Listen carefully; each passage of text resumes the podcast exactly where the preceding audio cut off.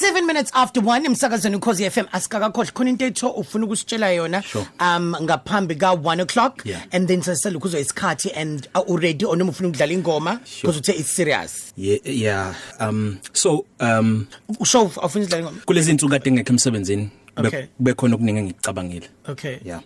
Umlaleli ngiyazi wena wena umngani wami futhi cishe wazi yonke into ngami. Okay. umlaleli indlela esayisixoxe ngayo naye nezinye igaba nje zempilo yami.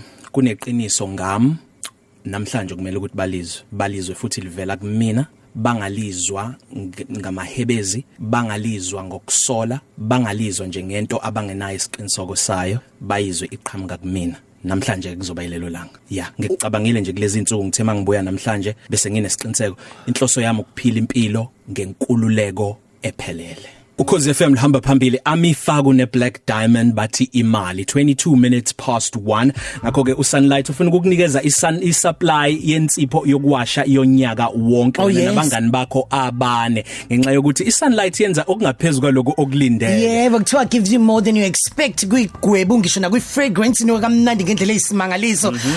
Sibatholile abantu abazodlala? Bakhona bazodlala ngisafuna seyimakethe manje kodwa ngishaya uvalo yazi? Why? Ah, ngoba ngibona social media nayo yonke lento yabo? Emveni kokuthi nginikeze isikhathi sokucabanga angazi manje kodwa sengisho sengishilo. La kodwa ngeke ngakubuza ngathi u ready Yeah, yini yeah. ukuthi eh usu- usu- usukulungela ukuthi un- un- unga- ungabatshela abantu le Yazini, ufuna ukubatshela yona ngaso so- sonke isikhathi mangibona abantu sebeyenzile lento le. Engizoyenza namhlanje. Okay. Kangiba nalento yokuthi ah like uyajabula wena usulapho uyabo? Kodwa kimina njengamanje njengoba ngingakakwenzi ngifana nomuntu yakhumbula abantwana baka Israel ngaphambi kokuthi kuvuleke ulwandle olubovu. Kwakunaleyo nto yokuthi hayibo sizowela la noma sizokwenzakalani ungangibuza ukuthi ngiyakhomba phela mina angaza ithi hayi phela waxoxelwa ke Yes, babes. uNkulunkulu luthando Yes. awufunda so ke nami ekugcineni kodwa ke ngizowela. Nginalolu valo konke kumele ngitshele umlaleli namhlanje akusengikhathela amahebezi sengikhathele nanokuthi sengikhathele nanokuthi abantu babebona izithombe bethi hawu uyakwenza ngempela. U- uyakwenza noma ukwenzi ngempela. Ilento sobe senza Beqhathanise, yeah.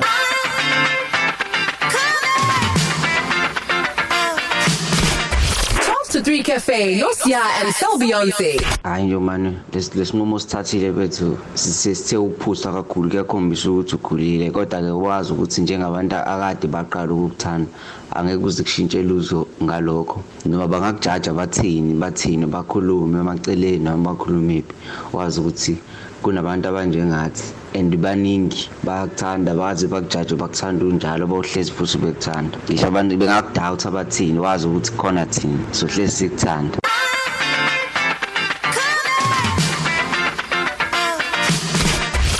to 3 Cafe, Nosia and Sel Beyonce. Ma mngani wami. Hawe Masia I cannot wait ukuzwa ukuthi yini lemfihlo othi usiphathele yona. But ngiyazi ukuthi makuyile ngicanga ukuthi yona hayi ngiyayiqhenya ngawe. Ngiyazi qhenya ngawe. You are so brave. Ukhozi FM lihamba phambili ubeast uthi never. 21 minutes before 2 sizwa kwi global citizen yethu njengamanje kumlaleli wethu umlaleli waseningizimu Afrika oy- oyisakhamuzi saseningizimu Afrika. Kodwa ngenxa yomsebenzi nesikole noma nje ngokuthanda nje ukuthi bayihambele kuhle kwalabo swenka bathi ngo March sifuna nje i-trips ya sifuna ukuya eThailand. Yasijoin yabo? Yeah. usuka izinto enjalo um um no okay angifuni ukukhuluma ngalokho njengamanje lokho ngitshela khona. Okay, um so yabo sengize ngakhohle ukuthi eh nanokuthi kwenziwe global citizen ngenxa ye- yama yemiyalezo engitholayo ku Facebook ku Instagram um ku Kwasaba- WhatsApp kwasaba wena njalo. ukudlula mina. Ang- angazi manje gathi gathi mina ngenza lento but yeah it is what it is um so yeah yeah Yeah ngifuna ukwazi um u- u- u- u- u- u- kuphileke kanjani? Angozi ngisho nokukhuluma kuphileke kanjani phosi sonke lesi sikhathi? Eh eh, u- u- ubuyifihla kanjani lento bekuthini kuwena whilst uyifihla? Uyazi ngiz- ngizoloku ngihamba ngihamba ngiloku ngiya e- e- enkolweni yami. Ayikho into ebuhlungu njengokucashela umu- abantu. Kodwa wazi ukuthi uNkulunkulu uyakubona. Okay. Uyabo? Ayikho ke into ebuhlungu njengokwenza into. Owaziyo futhi ukuthi iwena uyayithanda nje a- yonke into eyimizwa ngap- ngaphakathi kweni iyayemukela kodwa abanye abantu abayemukeli ikakhulukazi laba benkolo yabo abanye babo. Ngoba abanye abayenzayo bayenza ekunethezekeni kweindonga zamakhaya abo. Uyabo? Kukhona nje la engeke ngafika khona ngabona ukuthi mina hayibo kuphilwa kanjena la. Kuyaphilwa. Yabo abantu abangabazalwane. Ngoba uma uyenza ngokuvulelekile kuzoba sengazuthi udayisa ngenkolo yakho. Oh, uyayibona leyo nto? ngiyakuzwa. khona nezindawo futhi eyingena pho- eyingena kuphela laba abantu abenza lento lena ayikho into ebhlungu njengokungena usuyifaka isiqoko noma uma ungena uyaqala qalaza Ukuthi ukuthi ubani ukhona khona yini yini ungazi- okubonayo Sure. cabanga f Okay, okay, ngiyakuzwa Shem, Yeah. ngiyakuzwa. Oh no no, ngiyakuzwa. Usengukhohle umbuzo bengifuna ukukubuza wena manje but then it's like ngizobe ngikukhumbule and then mase ngikubuza wona later. asidayise sibuye sixoxe nomlaleli So wethu proud of Global you. Citizen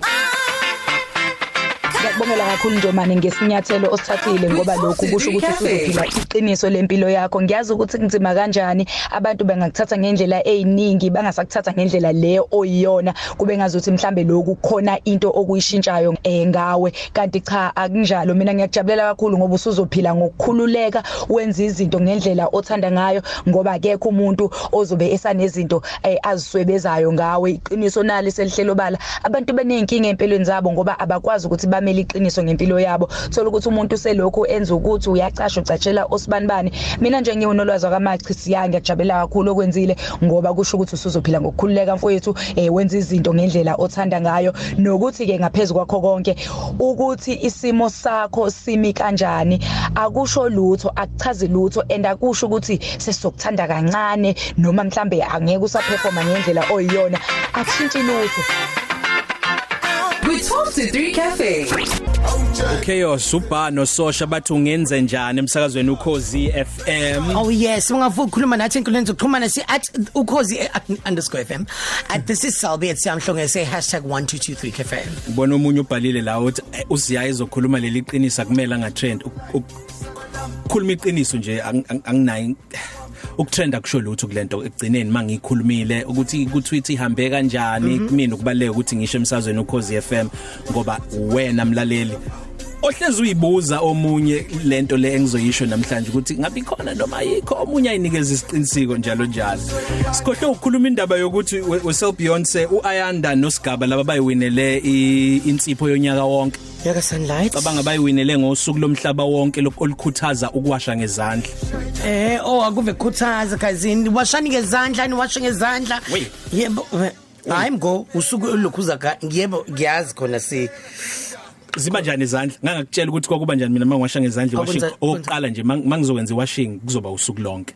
Okay. ngangigcina ngiphucuka la phakathi kwe- phakathi la phakathi kwamalungu emini Eh. kwaphucuka inyama izisuke ngoba ngiyawashisisa angithi Oh ayi ukuthi izandla zakhe ithambile. Eh, eh, ayithambile izandla kodwa ngiyawashisisa ngangigcina ngilimala ngaso sonke isikhathi Oh okay. ya kodwa ke nakuwena washa ngomshini zikhona izinto ongamele uyiwashe emshinini ngempela wangiqiniso Ngoba kwesinye isikhathi futhi nomshini futhi na oh, ungacabanga ukuthi wenza 100% ngoba uthi ngoba kuthiwa umshini. uthi wanya wanya Wey, ikakhulukazi wena. ikakhulukazi isiphika iskofu leso si- leyo nto leyo ifuna ifuna izandla nala Yes, babes. emakhwapheni Ngaphansi kwe- yeah, Eh, ekhwapheni, yeah. siyanazi nine nemjuzo ukuthi nje njoba lishisa kanjeni kuthi ju Yeah, mina basuke Ebese bengazenzi, kuyakuzoqina, oh, ne roll on bakithi, eh angikwenzi ngokuhlekisa Eh ngiyazi ukuthi awuhlekisi. Hawu, hawu, hawu. Shem I'm going to be Washani nice to you ngezandla. ngenxa yokuthi kuyanamhlanje nje kuphela. Oh. efuna ukujabulisa Okay.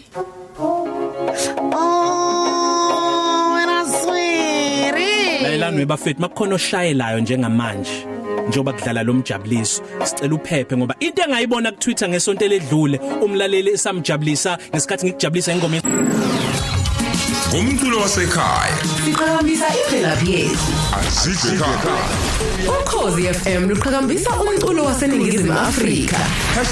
#isigqi sethu #ukhozifm60.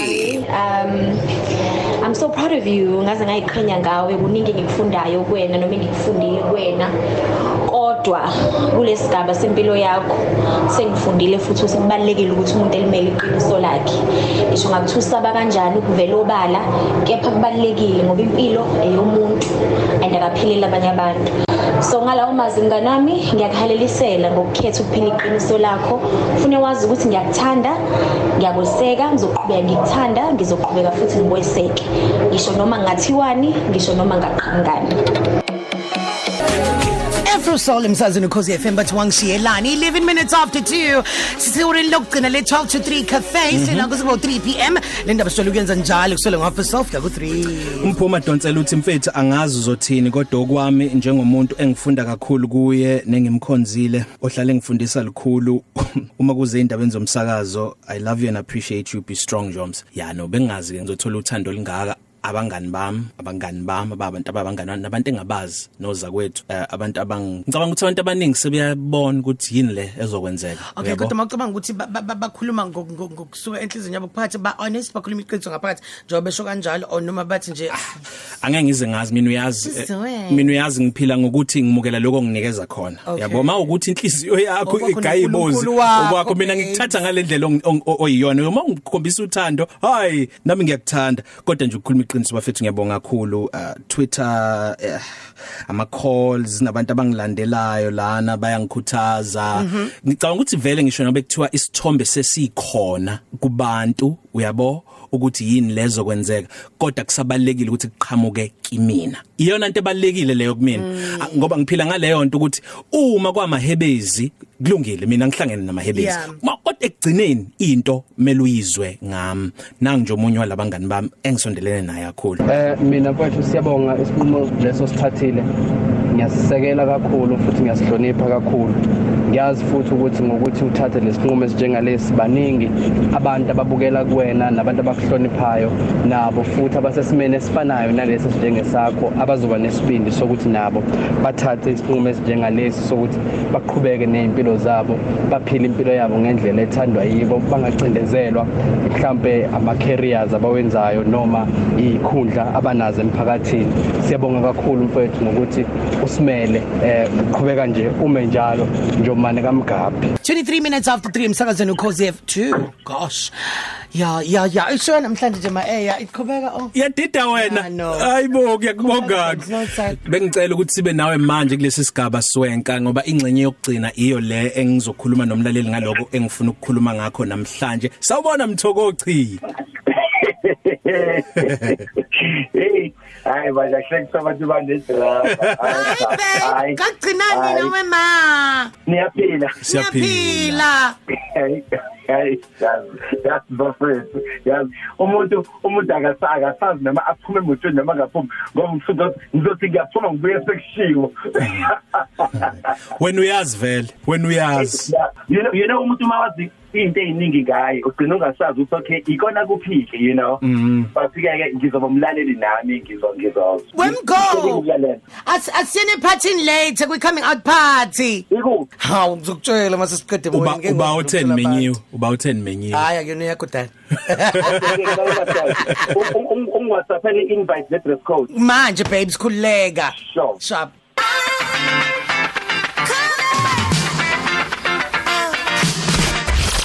to 3 Cafe, no Sia and Sel Beyonce. yazi ukuthi kade ngik YouTube njengamanje eh, ngibuka abanye benza imemezelo ezicishe ezifane ngempilo yabo kanjeni ngizama like wonke umuntu ngisho ngabe kuthiwa into yakho ubuyibhale phansi kodwa ugcina uqhaqhazela uba novalo abanye bakhale okay yeah. Ungakhali masho ngikuse yazi yamnandi ke le ngoma okumele sivele singene idlala yabona kodwa fro kunomyalezo owodwa oqhamuka kuswenka ngazi bengasona bengenaso ngani isibindi sokuthi le nto ayisho sisemoyeni. uKairo lo hambisana no Pixie L Thanda ya no sesifikile isikhathi. Khuluma phela hawu kwase kuthula wena? No ngizothini? 4 minutes to 3 sisonke drive 3 to 6 mzokolo kuna Mroza hawu. Okay um ngonyaka odlule ngo March abanye abantu kunesithombe engasifaka em ngise Cape Town em komunye umcimbi sabahlaba umxhwele nje abantu. Kwangazi ukuthi khona into engixoxayo mhlambe asebeyibuze yona isikhathi esiningi ngangikwi Verve Polo futhi lento bayibuza abantu hawu ukuthi hawu kabe nawe uyayenza yini lento em ngomhla ka 10 September ngase ngiyasiveza futhi esinye isithombe sikhona njengamanje ku Instagram wami lesi sithombe.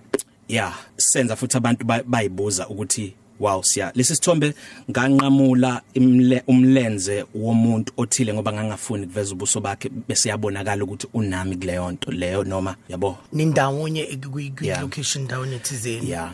So ke ekugcineni into eng yeah. Kuningi osekwenzakele kuningi okwenzakele empilweni yami ngaya kwindumiso sibubuthelezi ngakhuluma ngezinto engizenza mangingedwa noma manginabantu engikhululekile kubo.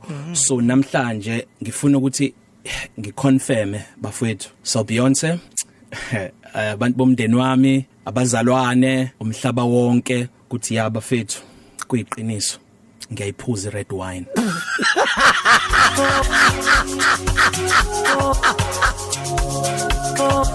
Kakhulukazi leya cap serve hey imfendini ixole bafethu esikwenzayo sikwenza ngothando le radio Xhumana nathi einkundleni zokuxhumana @thisisselby @siyamhlongo SA @tozama_n @bigkidyengwa. Sinthanda ngendlela eyisimangaliso. Bye bye darlings. 3 to 6 umzroza nomzokoloko. Bye. Time spent listening. Songama asikonakele Dukuthela yakhe ngaphezulu Konakele Ubumhlaba kungehlule Ilole ayikho lula. Sondela ngo ujabulele ilunch yakho ku 12 to 3 cafe.